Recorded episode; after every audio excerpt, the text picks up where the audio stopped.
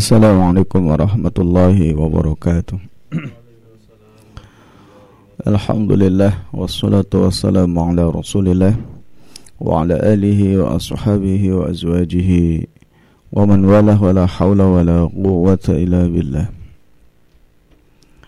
Allahumma rabbana Ishrah lana sudurana wa yassir lana umurana اللهم انفعنا بما علمتنا وعلمنا ما ينفعنا ورزقنا علما أما بعد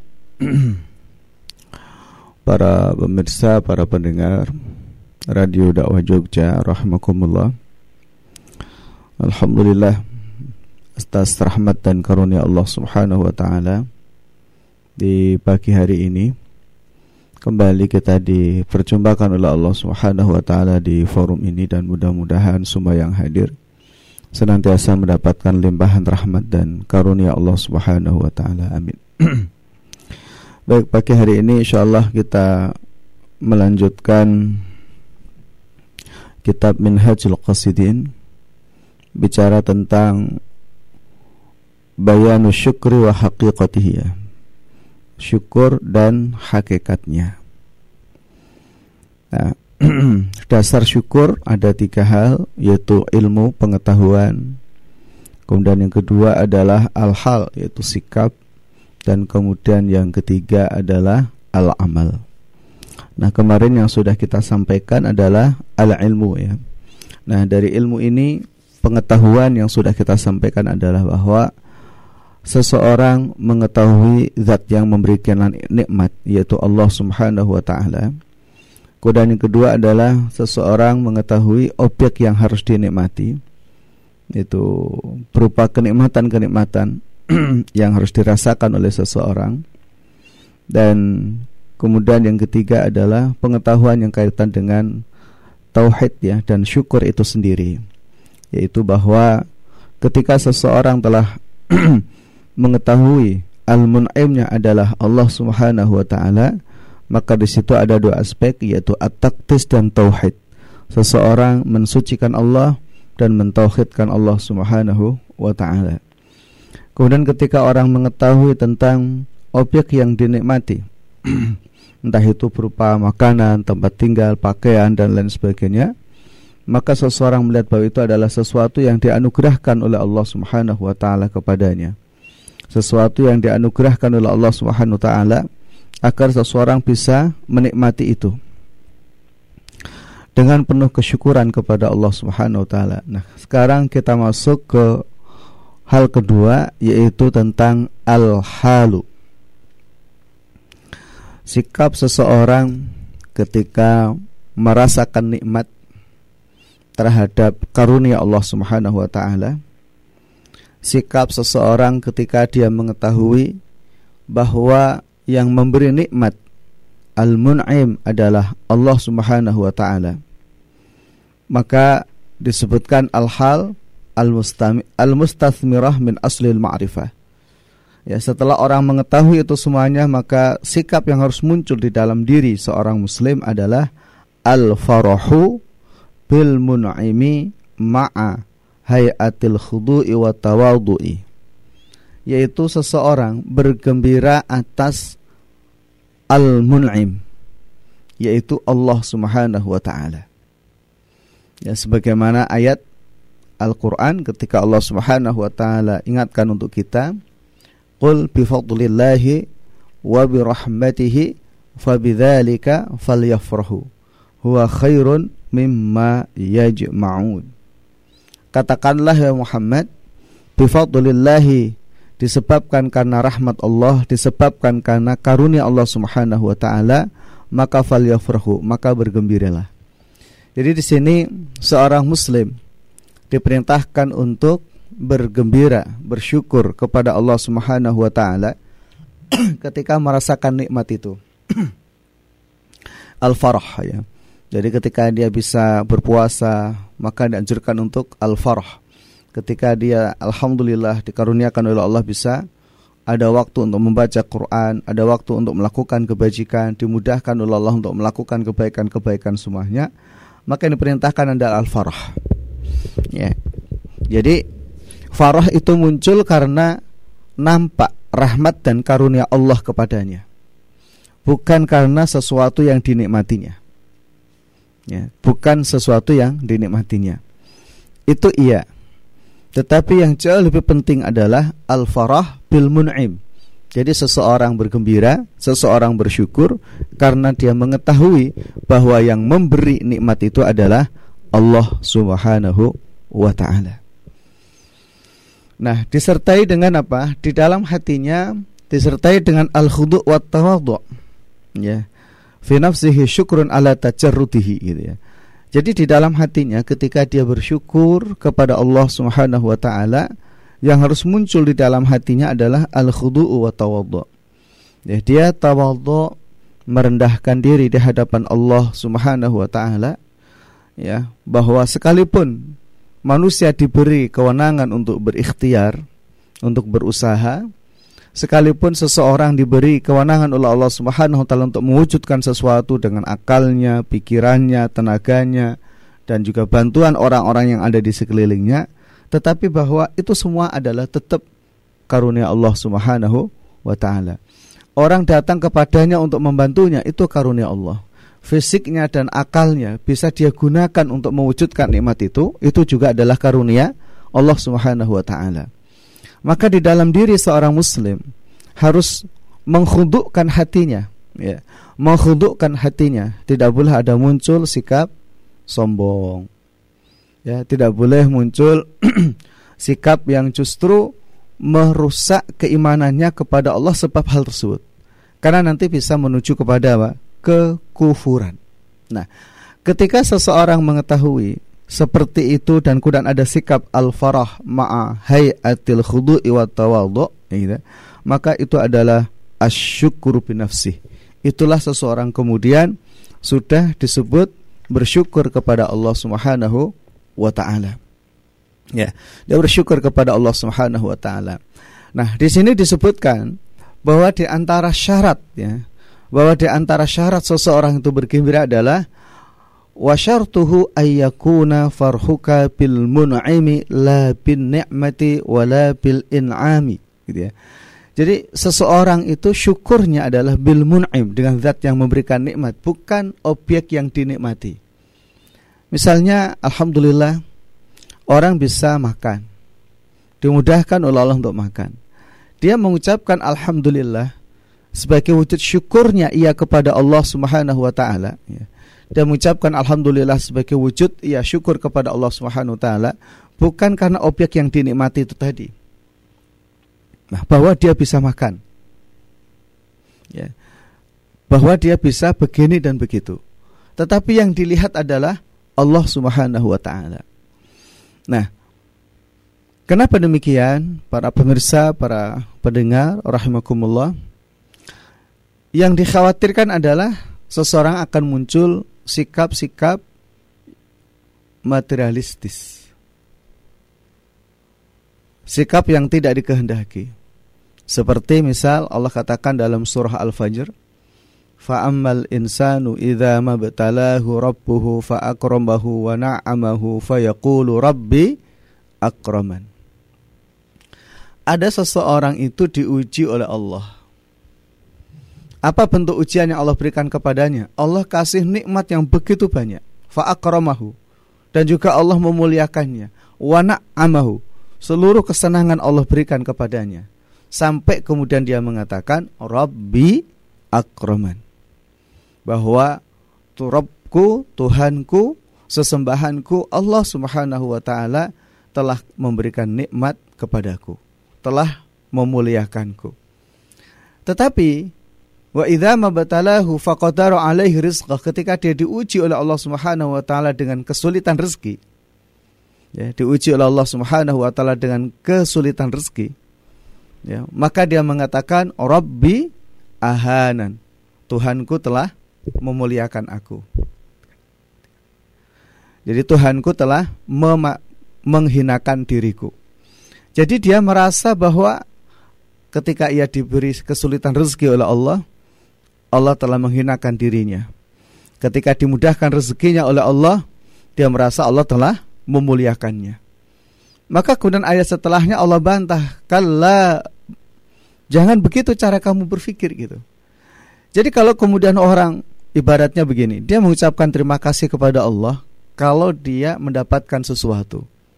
Dia tidak mengucapkan terima kasih kepada Allah kalau dia tidak merasakan adanya sesuatu yang dia bisa rasakan dalam kenikmatan tersebut. Maka kalau kemudian cara berpikir seperti itu, orang bersyukurnya kepada Allah Subhanahu wa taala hanya ketika ia mendapatkan kenikmatan semata. Bukan karena Allah yang memberikan nikmat, tapi karena nikmatnya itu sendiri gitu. Nah, itu yang sering kali terjadi dan bahkan mungkin itulah yang terjadi pada diri kita. Ya. Mungkin itu yang terjadi pada diri kita gitu. Padahal yang diperintahkan di sini adalah asyukru bil mun'im jadi syukurnya seseorang itu ya, gembiranya seseorang itu adalah bil mun'im. Ya, terhadap zat yang memberikan nikmat. Jadi ketika dia melihat nikmat itu, yang dilihat adalah zat yang memberikan nikmat. Siapa zat yang memberikan nikmat itu? Yaitu Allah Subhanahu wa taala. Ya. Sehingga begini, para pemirsa, para pendengar rahimakumullah.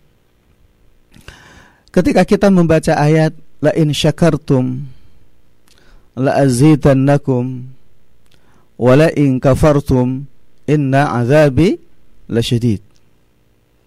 Kalau kalian syukur, Allah tambahkan. Kalau kalian kufur, ada azab yang pedih.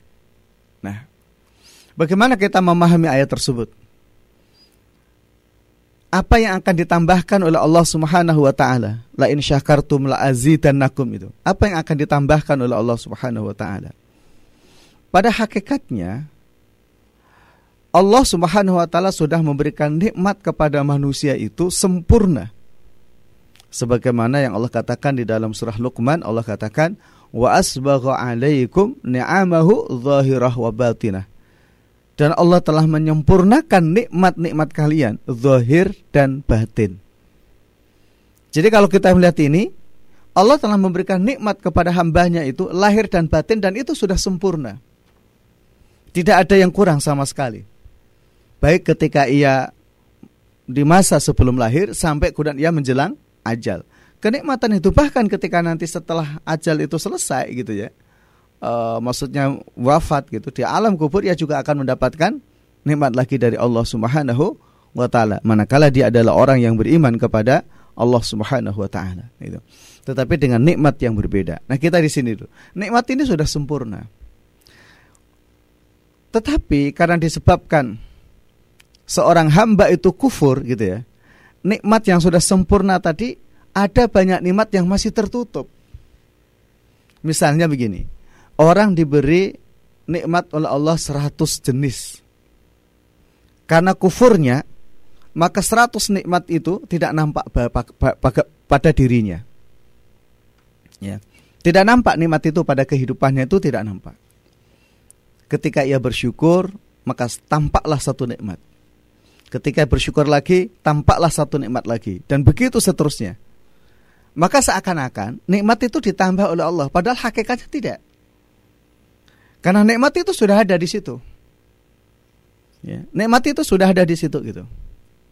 Tapi karena orang itu masih kufur, maka nikmat-nikmat itu belum tampak. Nah, ketika orang itu bersyukur kepada Allah Subhanahu wa taala, maka Allah akan menambahkan satu syukur lagi, satu tingkatan syukur lagi. Untuk membuka apa? Tabir kenikmatan yang masih tertutup oleh kekufuran. Misalnya ketika ia syukur di langkah yang pertama, maka nikmat yang pertama itu ditambah apa ditampakkan oleh Allah. Karena syukurnya ia kepada Allah, karena syukurnya dia ikhlas, karena syukurnya ia tulus di hadirkan di hadapan Allah Subhanahu wa taala, maka kemudian Allah buka nikmat yang kedua. Sehingga ia bisa bersyukur lagi.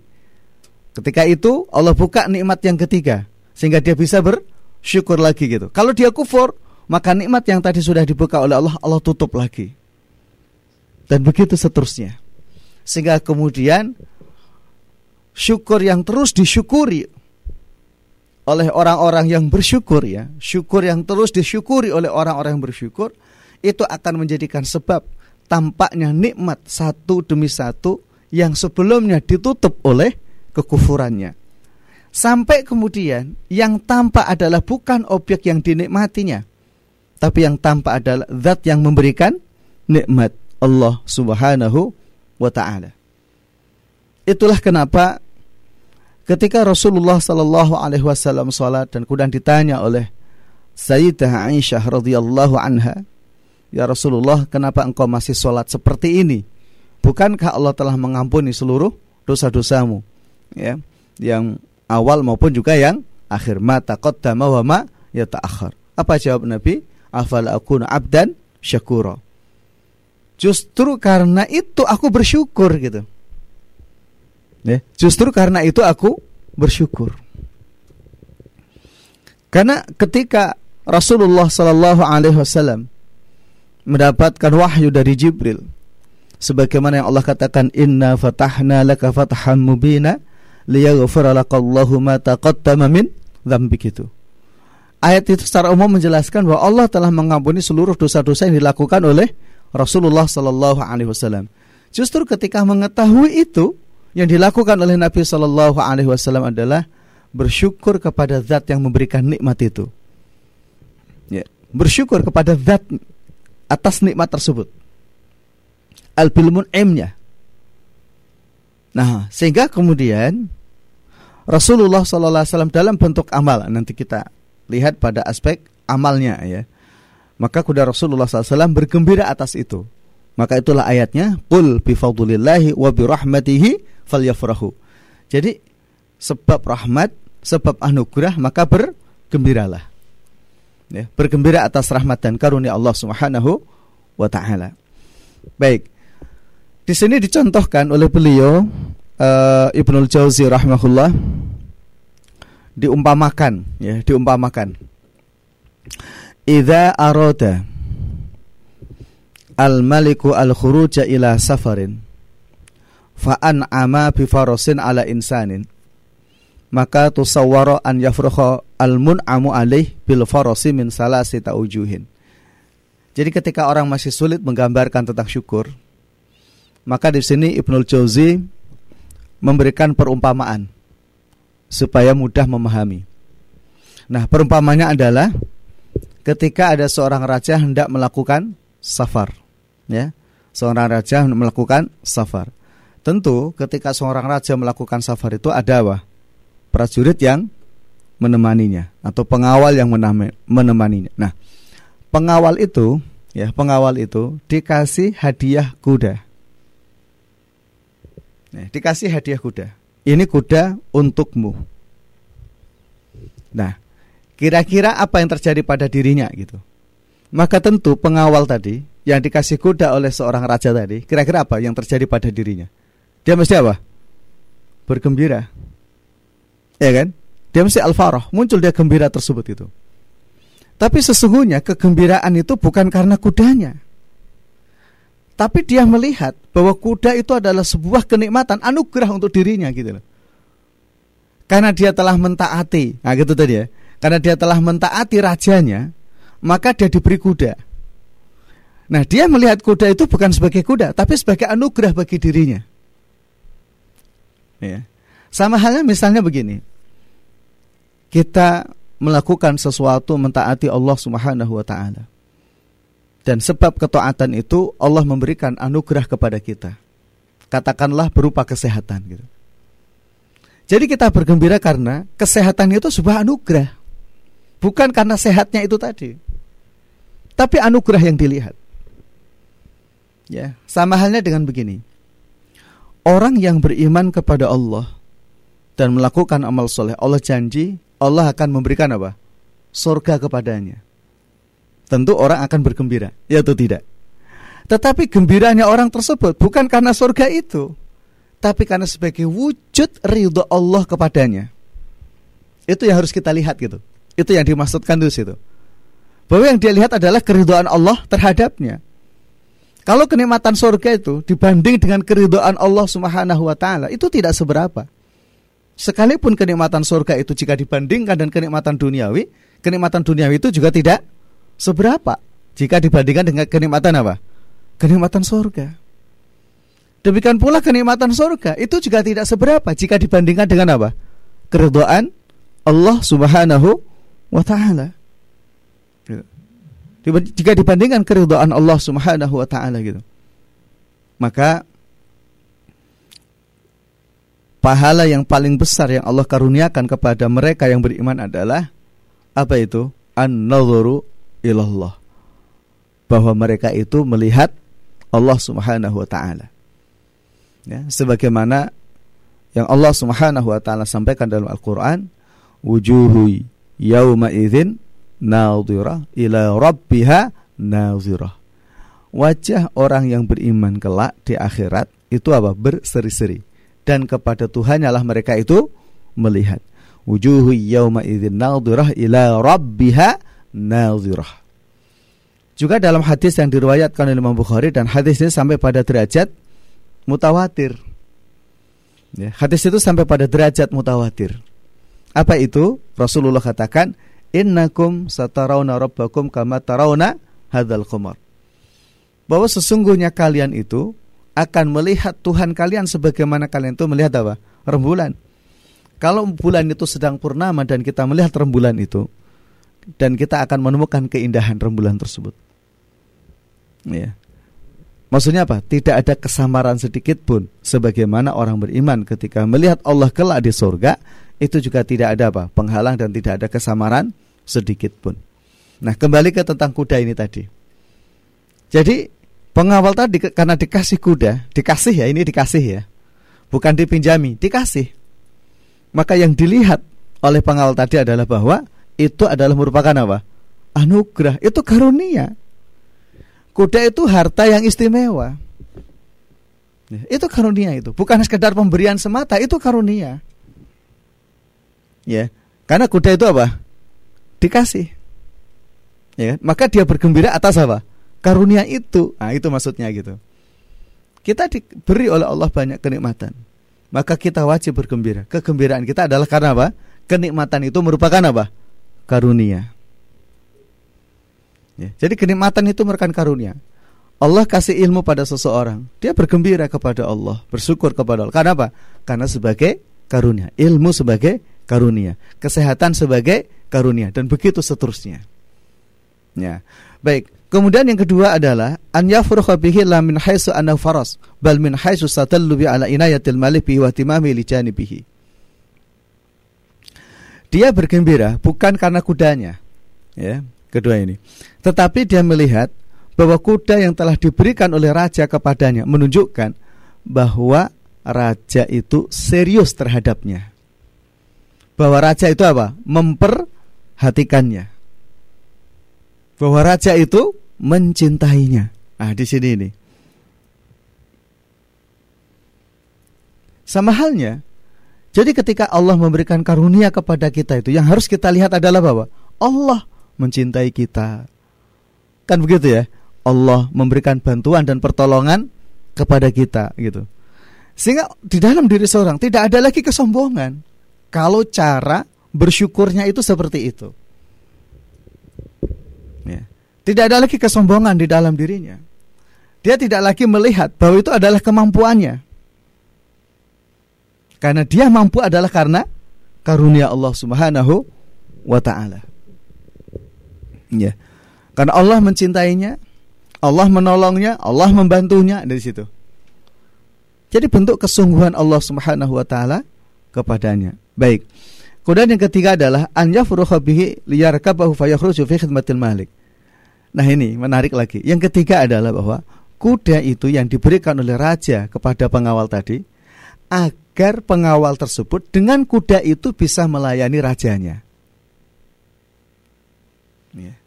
Bahwa dengan kuda itu pengawal itu bisa melayani rajanya. Kita diberi kesehatan oleh Allah, diberi ilmu oleh Allah, diberi kemudahan rezeki oleh Allah. Dengan sebuah tujuan apa? Agar itu semua bisa kita gunakan untuk melayani siapa? Allah. Ah, gitu. Bisa kita gunakan untuk melayani Allah Subhanahu wa taala.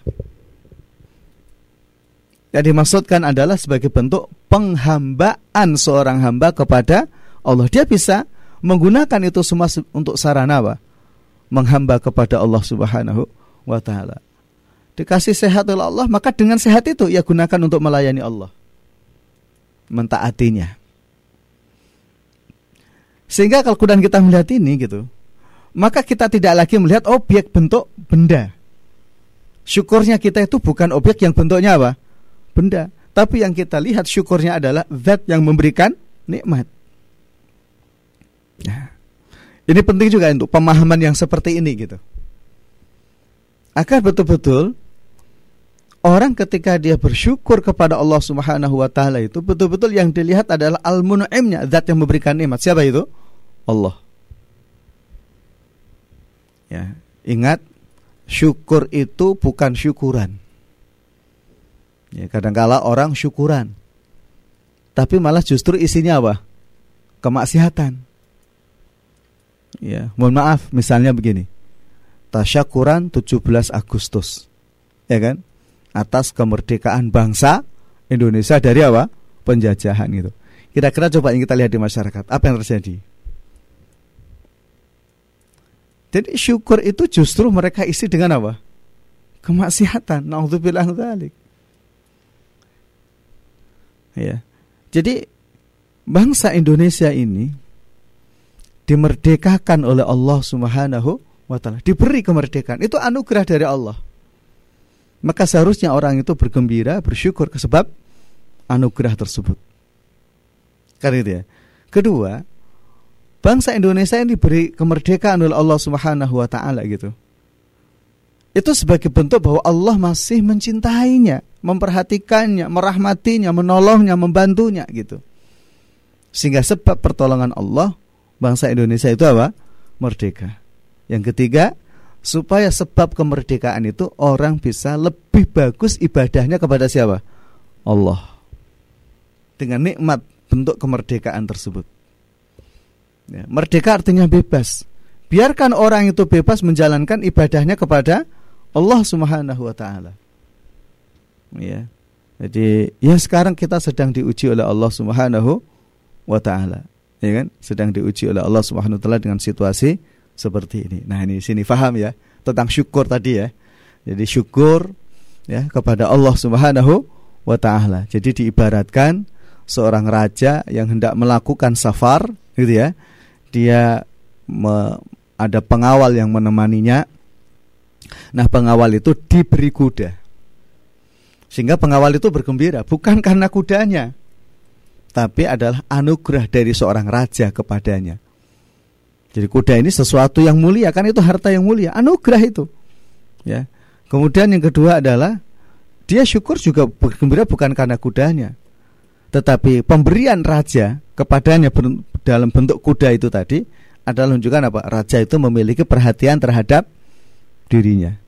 Yang ketiga, dia bergembira atas kuda tersebut bukan karena kudanya, tapi dengan kuda itu agar dia bisa melayani apa? Rajanya. Allah Akbar walillahilham. Itulah syukur. Ya itulah syukur. Ya seharusnya memang demikian.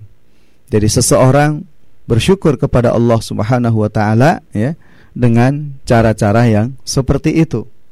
Nah, sehingga dengan demikian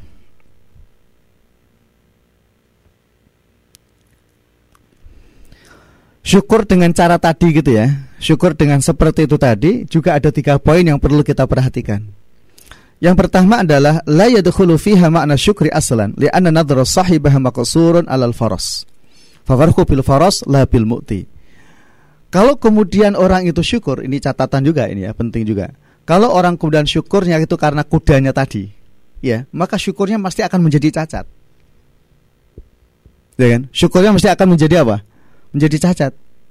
Kalau syukurnya karena kudanya tadi. Ya. Kalau kemudian anugerah itu tidak diberi kuda tapi diganti yang lain, kira-kira bagaimana? Ya, sama halnya dengan misalnya begini. Orang memohon kepada Allah supaya diberi A, B, C gitu. Tapi ternyata Allah memberikan anugerah yang lain bukan tadi. Mungkin orang akan berat toh. Mensyukur itu akan berapa? Akan akan berat. Ibaratnya begini, piye toh? Aku ki doa kepada Allah begini kok malah dikasih itu gitu. Apa Allah tuh nggak ngerti kebutuhan saya? Ah, kan gitu kan? Ya, jadi kadang-kadang kan hidup itu begitu tuh. Ya. Kadang-kala hidup itu begitu. Allah memberikan sesuatu kepada kita apa yang tidak pernah kita harapkan sama sekali. Oleh karena itu kalau kita syukurnya itu kepada bendanya tadi, wujud benda gitu ya. maka mesti syukur kita tidak akan sempurna kepada Allah Subhanahu wa taala. Mesti akan cacat di situ, akan kurang di situ. Nah, ini naudzubillah dzalik. Ya. Sehingga nanti orang akan melihat itu objek terus, benda terus gitu. Ya, maka yang dijaluk orang itu sering kali yang diminta adalah apa? Duniawinya terus gitu, duniawi, duniawi, duniawi terus itu. Sehingga menjadi orang yang materialistis tadi. Ya, bahkan yang berbahaya begini, nak pengen sugih syukuro. Ya. Jadi orang pengen kaya itu untuk bapak bersyukur karena akan ditambah kekayaannya. Nah, itu materialistis lagi. Nah, itu sungguh sesuatu yang sangat ber, berbahaya. Maka yang seperti itu la makna syukri aslan. Jadi orang tidak bisa masuk dalam syukur secara tidak gitu. Karena apa? Karena dia syukurnya adalah karena apa tadi? Bendanya, bukan karena apa namanya yang memberi ya labil mukti gitu jadi apa namanya itu orang juga tidak akan menemukan kalau cara syukur begitu itu dia tidak akan menemukan apa? Lebih itu syukri. Nikmatnya bersyukur. Kenapa? Kenikmatan itu yang merasakan apa? Fisik akal pikiran atau hati? Hati. Ya jadi yang merasakan nikmatnya bersyukur itu adalah hati ya. Kemudian yang kedua adalah fiha makna syukri min farah bil mun'im alaih. Kalau memang dia itu syukurnya adalah betul-betul karena bil mun'im gitu. Ya, zat yang memberikan nikmat kepadanya. Nah gitu ya. Insya Allah dia masuk dalam bersyukur. Tapi yang menjadi persalah adalah ya, walakin la min haitsu dzatiki bal min haitsu ma'rifati inayati allati tasahassu alal in'am bil mustaqbal. Tapi dia kemudian punya apa namanya? ketamakan ya dia bersyukur kepada Allah tamak tamanya apa nanti baru ditambah misalnya eh, apa tadi? Pengawal raja tadi ya dia dikasih kuda terus dia berterima kasih kepada rajanya gitu. Karena terima kasihnya supaya ditambah lagi. Udah kamu terima kasih layani dia supaya kamu dikasih ini lagi ini lagi ini lagi. Ah berarti nanti motivasinya lagi apa? Materi lagi. Ya. Nah itu kalau motivasinya adalah materi lagi gitu, wah ini lagi nih, ya kan? Akhirnya tidak tulus seseorang itu dalam bersyukur kepada Allah Subhanahu wa taala. Nah kan? Nah, yang ketiga, an yakuna farhul abdi bi nikmatillahi min haitsu innahu yuqaddiru biha ala tawassul al qurbin wa nuzulu fi jiwarihi.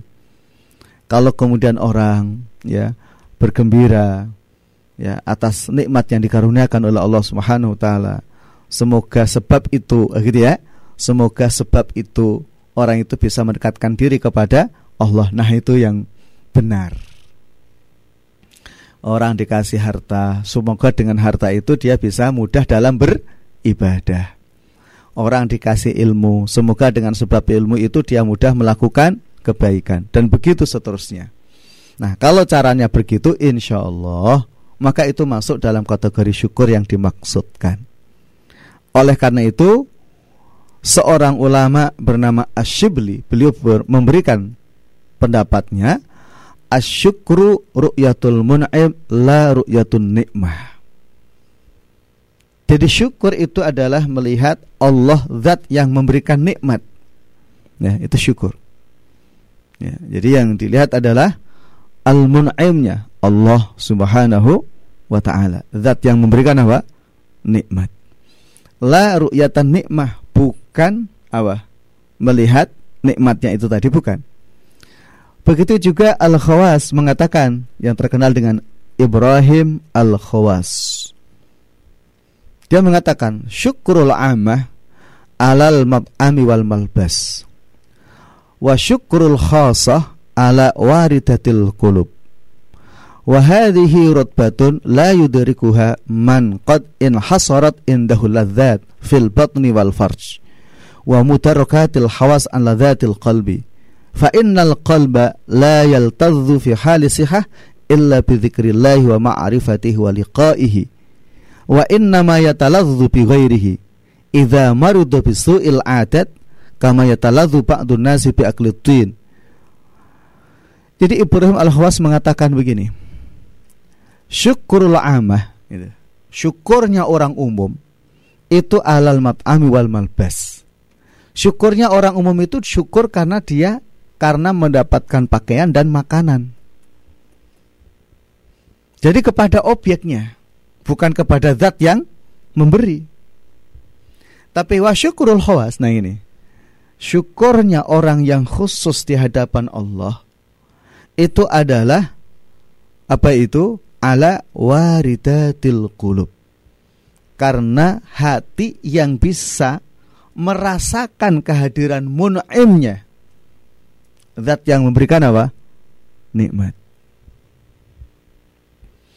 Jadi waridatul qalb. Ya. Kenapa demikian? Derajat seperti itu tidak akan bisa dilakukan kalau orang itu hanya menikmati apa yang diberikan oleh Allah kepadanya. Nikmat perut, nikmat kemaluan dan panca indera. Sehingga misalkan orang makan nikmat, ya sudah sekadar itu. Ya, karena lidahnya merasakan apa? Nikmat. Kemudian dia mengatakan alhamdulillah. Ya, dia menggunakan pakaian terasa gantung, gagah, pakaiannya baru gitu, maka dia mengucapkan apa? Alhamdulillah. Dan sedih kalau dia menggunakan pakaian itu tidak baru dan tidak terasa ganteng gitu. Coba kalau antum beli pakaian. Alhamdulillah antum bisa beli pakaian. Nah, pakaian itu antum pakai orang mengatakan nggak pantas kamu pakai itu gitu. Kira-kira perasaannya gimana? Sedih ya. Tapi kalau antum beli pakaian, uh ganteng banget nih. Lo pakai baju seperti itu kan? Kamu pakai baju ganteng banget nih. Masya Allah. Kira-kira hati seneng nggak? Seneng bisa jadi baju itu dipakai terus. Ya kan? Bisa jadi baju itu dipakai terus gitu nggak ganti-ganti gitu. Ya sampai orang itu heran gitu. Masya Allah. Begitu cintanya kamu sama bajumu gitu. Sampai dari dulu hingga sekarang tidak pernah ganti. Masya Allah itu. Jadi uh, apa namanya karena orang melihat objek, bukan melihat zat yang memberikan nikmat. Nah, itu yang harus kemudian uh, maaf kita rubah. Ya. Kenapa begitu?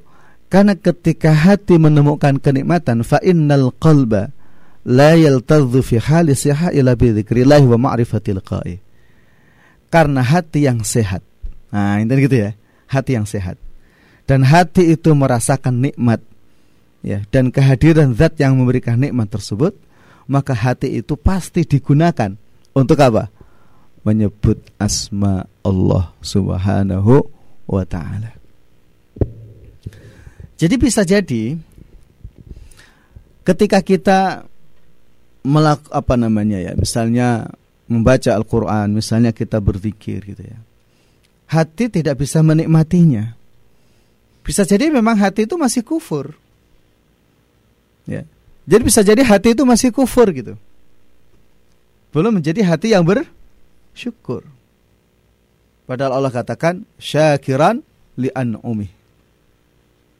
Ya, jadilah orang bersyukur terhadap nikmat Allah karena yang dilihat adalah zat yang memberikan nikmat. Sehingga yang ada di dalam hatinya itu adalah alhamdulillah. Nah, di situ dia akan melihat keagungan Allah, rahmat Allah, anugerah Allah, karunia Allah Subhanahu wa taala. Jadi itu sesuatu yang luar biasa ketika orang itu bisa bersyukur dengan cara yang seperti itu. Nah, itu tadi ya. Jadi tentang apa namanya? contoh gambaran ya, ilustrasi yang disampaikan oleh beliau Ibnul Jauzi rahimahullah dalam kitabnya Minhajul Qasidin. Baik, kemudian yang berikutnya adalah amal ya. ya tadi ilmu hal amal. Nah, apa al-amal? Yaitu bimujibil farah. Jadi ketika orang itu bergembira, nah gitu ya, atas nikmat Allah Subhanahu wa taala seperti tadi, kira-kira amalnya apa? Ya. Kalau kemudian kita mengambil contoh tadi, ya seorang pengawal raja ketika dia diberi kuda, ia bergembira. Nah, saking gembiranya itu, semua apa yang diberikan oleh raja digunakan untuk apa? Melayani raja. Seharusnya kita pun demikian. Jadi orang bergembira atas rahmat Allah ada ilmu, ada sehat, ada kemudahan rezeki dan lain sebagainya. Nah, semuanya itu digunakan untuk apa? Mentaati Allah. Ya. Jadi semua itu digunakan untuk mentaati Allah Subhanahu wa taala. Nah, sehingga Amma bil qalbi faqasdul khairi wa itmaruhu lil khalqi kafah. Adapun hati, ya kan? Syukur melalui hati apa? Faqasdul khairi wa itmaruhu lil khalqi kafah. Jadi dia apa namanya? selalu qasdu bil khair. Niatnya itu baik dengan nikmat tersebut. Ya, orang dikasih kemudian rezeki oleh Allah. Nah, rezeki digunakan untuk ber sedekah ya untuk memberikan makan keluarganya yang halal. Kan gitu ya? Itu bentuk bentuk amal al-farohnya tadi itu. Ya itu bentuk al-farohnya itu tadi. Ya gembira gitu. Ya hatinya itu selalu baik. Wa itu maruhu lil khalqi kafah dan disembunyikan kepada semua makhluk itu loh kok kenapa kok harus disembunyikan gitu karena yang dikhawatirkan ada orang yang hasut Ya. Ada orang yang hasut karena Rasulullah ingatkan kullu mahsudun. Ya, kullu mahsudun. Setiap nikmat itu ada yang hasut. Nah, oleh karenanya ketika seseorang diberi nikmat oleh Allah Subhanahu wa taala tidak dianjurkan untuk menampakkan secara apa ber lebih-lebihan. Ya karena yang dikhawatirkan adalah ada hasut ya kan? Ada ada hasut yang muncul dari orang-orang yang ada sekelilingnya nah kemudian amma bilesan nah, terus lesannya ngapain gitu? Dalam bentuk syukur tadi amal syukur tadi fa idharu syukri lillahi bitahmidat ad-dalati alaihi maka lesannya itu mengucapkan alhamdulillah Ya. Lesannya itu mengucapkan Alhamdulillah. Lesannya digunakan untuk mengagungkan Allah, memuji Allah, digunakan untuk berkata yang baik, ya. Itu bentuk amal seseorang, ya, dalam merealisasikan syukurnya kepada Allah. Dan itulah yang dilakukan oleh Rasulullah Sallallahu Alaihi Wasallam. Jadi ketika Rasulullah mengetahui Allah memberikan anugerah kepadanya berupa ampunan gitu. Ya, berupa ampunan. Di situ Rasulullah faham. Ya, di situ Rasulullah faham. Ya, sebab ampunan, sebab anugerah yang berupa ampunan itulah justru yang dilakukan oleh Nabi Shallallahu Alaihi Wasallam adalah semakin kuat pendekatannya kepada Allah Subhanahu Wa Taala hingga dia tidak merasakan apa sakit pada fisiknya karena apa? Karena sakit pada fisiknya itu kalah karena apa? Kegembiraannya. Karena senengnya atas karunia Allah yang diberikan kepadanya. Nah, sebagaimana orang kadang kala saking senengnya itu sakit gak terasa. Nah, bisa jadi kita ibadah masih terasa berat itu karena belum seneng gitu. Jadi rasa beratnya ibadah itu masih dikalahkan dengan apa? Masih terkalahkan. Jadi masih nampak gitu. Ya.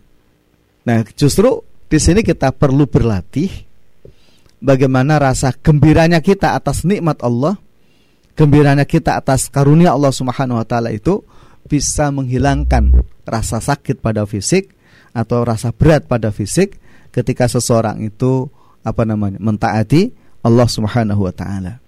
Nah, amal jawarih. Adapun al jawarih fisik, apa bentuk syukurnya? yaitu fastimalu ni'amillahi fi ta'atihi wa tawaqqi minal isti'anah biha ala ma'siyati. Jadi seseorang menggunakan fisiknya itu untuk apa? Mentaati Allah. Ya, wa tawaqqi dan menjauhkan diri minal isti'anah, menjadikan fisik itu sebagai penolong ala maksiati untuk bermaksiat kepada Allah Subhanahu wa taala. Maka fisik digunakan untuk mentaati Allah dan menjauhkan dari maksiat kepada Allah Subhanahu wa taala. Misal, nah di sini disebutkan oleh beliau hatta inna min syukril ainaini antas kula aibin tarahu li muslimin. Misalnya, misalnya mata ini melihat aib seseorang, maka aib itu dia tutup. Ya. Jadi kalau mata ini melihat aib yang dilakukan oleh seseorang, gitu ya. Maka matanya ditutup sebagai wujud syukurnya kepada Allah Subhanahu wa taala. Karena memang Allah katakan, karena Rasulullah katakan, "Man satara musliman satarallahu yaumal qiyamah." Ya barang siapa yang menutupi aib seorang muslim, maka Allah Subhanahu wa taala akan apa? Menutupi aibnya besok pada hari kiamat. Begitu juga wa min syukril udhunain antas turakula aibin tasma'uhu. Syukurnya telinga adalah dia menutupi aib apa yang dia dengar. Nah, wahada yadkhulu fi jumlati syukri nikmati hadil a'dha. Itu adalah di antara bentuk contoh syukur secara keseluruhan yang dilakukan oleh fisik. Ya. Oleh karenanya kemudian beliau Ibnul Jauzi dalam kitab Minhajul Qasidin ini mengutipkan beberapa hadis Nabi sallallahu alaihi wasallam. Ya waqad rawaina anna Nabi sallallahu alaihi wasallam dakhala 'ala al-Abbas. Ya, kami meriwayatkan suatu ketika Nabi masuk ke rumahnya Al-Abbas yaitu paman beliau. Faqala kemudian Rasulullah bertanya, "Kaifa asbahtum?" Bagaimana kabar kalian di pagi hari ini? Qala Al-Abbas menjawab, bi khairin ahmatullah. Alhamdulillah, kami memuji Allah Subhanahu wa taala. Kemudian Al-Abbas memberikan jawaban balik. Fa kaifa asbahta ya Rasulullah? Bagaimana dengan dirimu ya Rasulullah di pagi hari ini? Maka Rasulullah menjawab, asbahtu bi khairin ahmatullah. Alhamdulillah pagi hari dalam keadaan baik. Aku memuji Allah Subhanahu wa taala. Dan juga wa anna Nabiya sallallahu alaihi wasallam diceritakan bahwa Nabi sallallahu alaihi wasallam marra bi rajulin fasallama alaihi. Nabi berjalan dan ketemu seseorang dan kemudian mengucapkan salam kepadanya. Kemudian waqala Nabi bertanya, "Kaifa asbahta? Bagaimana kabarmu pagi hari ini?" Qala laki-laki itu menjawab, "Ahmadullah ilaika." Suma'ata limaratan ukhra. Faqala, "Kaifa anta?" Qala, "Ahmadullah ilaika." Suma atahu maratan ukhra fasa'ala faqala ar-rajul ma abqaqallahu fa bi khairin. Famada Rasulullah sallallahu alaihi wasallam wa lam yaqif wa lam yusailuhu wa, wa qala kuntu usailuhu li rahmatillahi azza wa jalla. Jadi ketika Rasulullah ketemu seseorang di jalan dan kau ditanya, "Bagaimana kabarmu Pakirin?" Alhamdulillah. Gitu ya. Aku bersyukur kepada Allah. Ada orang lagi tanya, ya, datang dan kemudian ditanya oleh Nabi dengan hal yang sama, "Gimana kabarmu pagi hari ini?" Dia menjawab, Alhamdulillah bi khair. Ya, begitu juga kemudian ada orang datang lagi dan ditanya oleh Nabi gitu ya. Bagaimana keadaanmu pagi hari ini? Maka dia menjawab, "Maaf Allah fi khair." Ya, semua apa yang Allah karuniakan kepadaku alhamdulillah baik. Maka kemudian Rasulullah SAW meninggalkan tempat itu dan kemudian beliau mengatakan kuntu usailuhu liyahmatullah SWT aku bertanya atau menanyai kalian agar kalian itu selalu memuji Allah Subhanahu wa taala ya agar engkau selalu memuji Allah Subhanahu wa taala. Nah, sehingga kesimpulannya ya adalah kesimpulannya jadi seseorang bersyukur kepada Allah Subhanahu wa taala. Bentuknya adalah inna syukra huwa al-i'tiraf bi ni'matil mun'im ala wajhil khudu'i. Bahwa syukur itu pengakuan seseorang bahwa nikmat yang ada dalam hidupnya itu adalah semata-mata karunia Allah zat yang maha pemberi nikmat. Dia terima itu, dia fahami itu dengan penuh khudu ya dan penuh khudu dan hatinya senantiasa digunakan untuk memuji Allah Subhanahu wa taala. Lesannya pun juga demikian, fisiknya pun juga demikian digunakan untuk melayani Allah Subhanahu wa taala. Itulah syukur yang dimaksudkan. Demikian pada pagi hari ini yang sedikit mudah-mudahan ini bermanfaat bagi kita semuanya.